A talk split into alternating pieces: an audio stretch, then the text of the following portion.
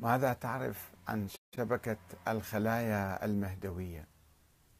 كن عضوا فاعلا فيها. الحركة الشعبية المهدوية ضرورة حضارية وهي حركة شعبية إيمانية ثقافية اجتماعية سلمية وديمقراطية. لذلك لابد من تفعيلها والمشاركة فيها.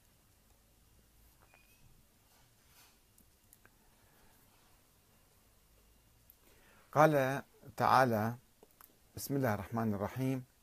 يا أيها الذين آمنوا اتقوا الله حق تقاته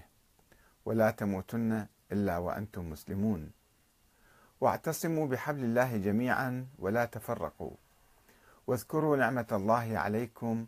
إذ كنتم أعداء فألف بين قلوبكم فأصبحتم بنعمته إخوانا وكنتم على شفا حفرة من النار فأنقذكم منها كذلك يبين الله لكم آياته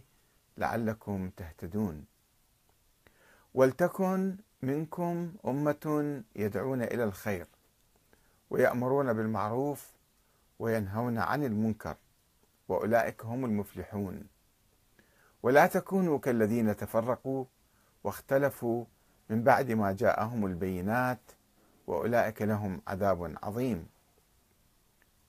وقال أيضا والمؤمنون والمؤمنات بعضهم أولياء بعض يأمرون بالمعروف وينهون عن المنكر ويقيمون الصلاة ويؤتون الزكاة ويطيعون الله ورسوله أولئك سيرحمهم الله إن الله عزيز حكيم إن الذين آمنوا في آية أخرى وفي سورة أخرى هي سورة البينة قال إن الذين آمنوا وعملوا الصالحات أولئك هم خير البرية جزاؤهم عند ربهم جنات عدن تجري من تحتها الأنهار خالدين فيها أبدا رضي الله عنهم ورضوا عنه ذلك لمن خشي ربه صدق الله العلي العظيم من يقرأ القرآن الكريم لا يجد فيه تركيزا على دور الدولة أو على إقامة الدولة والحكومة والنظام السياسي إنما هو يتوجه دائما وأبدا آه، في مخاطبته إلى الناس إلى الإنسان إلى كل إنسان وبذلك يحدث التغيير الاجتماعي يطلب من الناس أن يقوموا بهذا الإصلاح والدولة هي جزء من عمل المجتمع ولكنها ليست كل شيء يقول تعالى كما في الآيات التي قرأناها ولتكن منكم أمة أمة يعني الأمة الإسلامية تكون هي أمة آه، تدعو إلى الخير وتأمر بالمعروف وأيضا يمكن أن نفهم من هذه الآية ولتكن منكم أمة يعني آه، فريق من عندكم جماعة أمة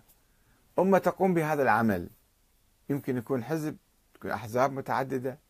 جمعيات روابط طرق هيئات في أطر متعددة يمكن أن الأمة تتخذها آه، لتقوم بهذه المهمة الرسالية العظيمة آه، ولكن خلال العقود الماضية ناضلت شعوب عربية وإسلامية عديدة عقودا طويلة من أجل إقامة العدل والحرية واستطاع بعضها أن ينجح في إسقاط أنظمة ظالمة وحكام طغاة وإقامة أنظمة ديمقراطية وثورية وإسلامية محلها ولكنه ما لبث أن وجد هذا البعض يعني وليس الجميع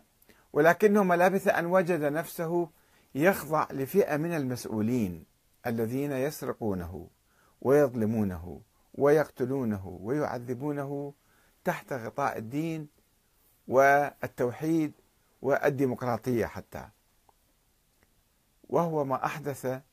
رده فعل سلبيه واحباطا في نفوس الكثير من المناضلين والمواطنين الذين ناضلوا طوال عشرات السنين ودفعهم للابتعاد عن السياسه ومقاطعة الانتخابات والكفر بالديمقراطية واليأس من التغيير والإصلاح أنه نحن عملنا خمسين سنة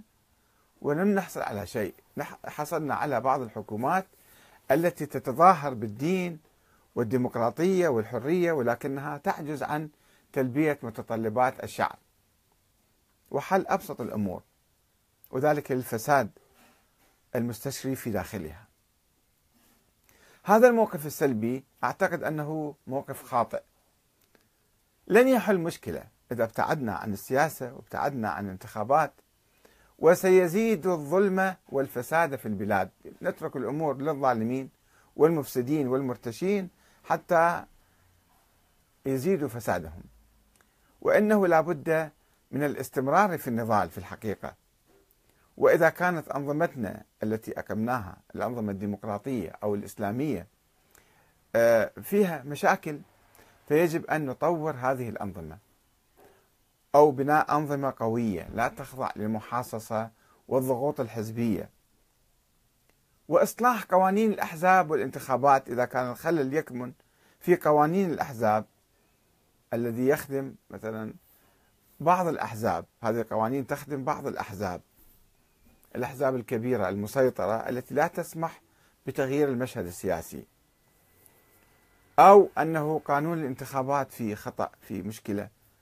أيضا يجب أن نصلح هذه القوانين بما يمهد لاختيار مجالس نواب مستقلة وقوية وفاعلة وتعبر فعلا عن رأي الشعب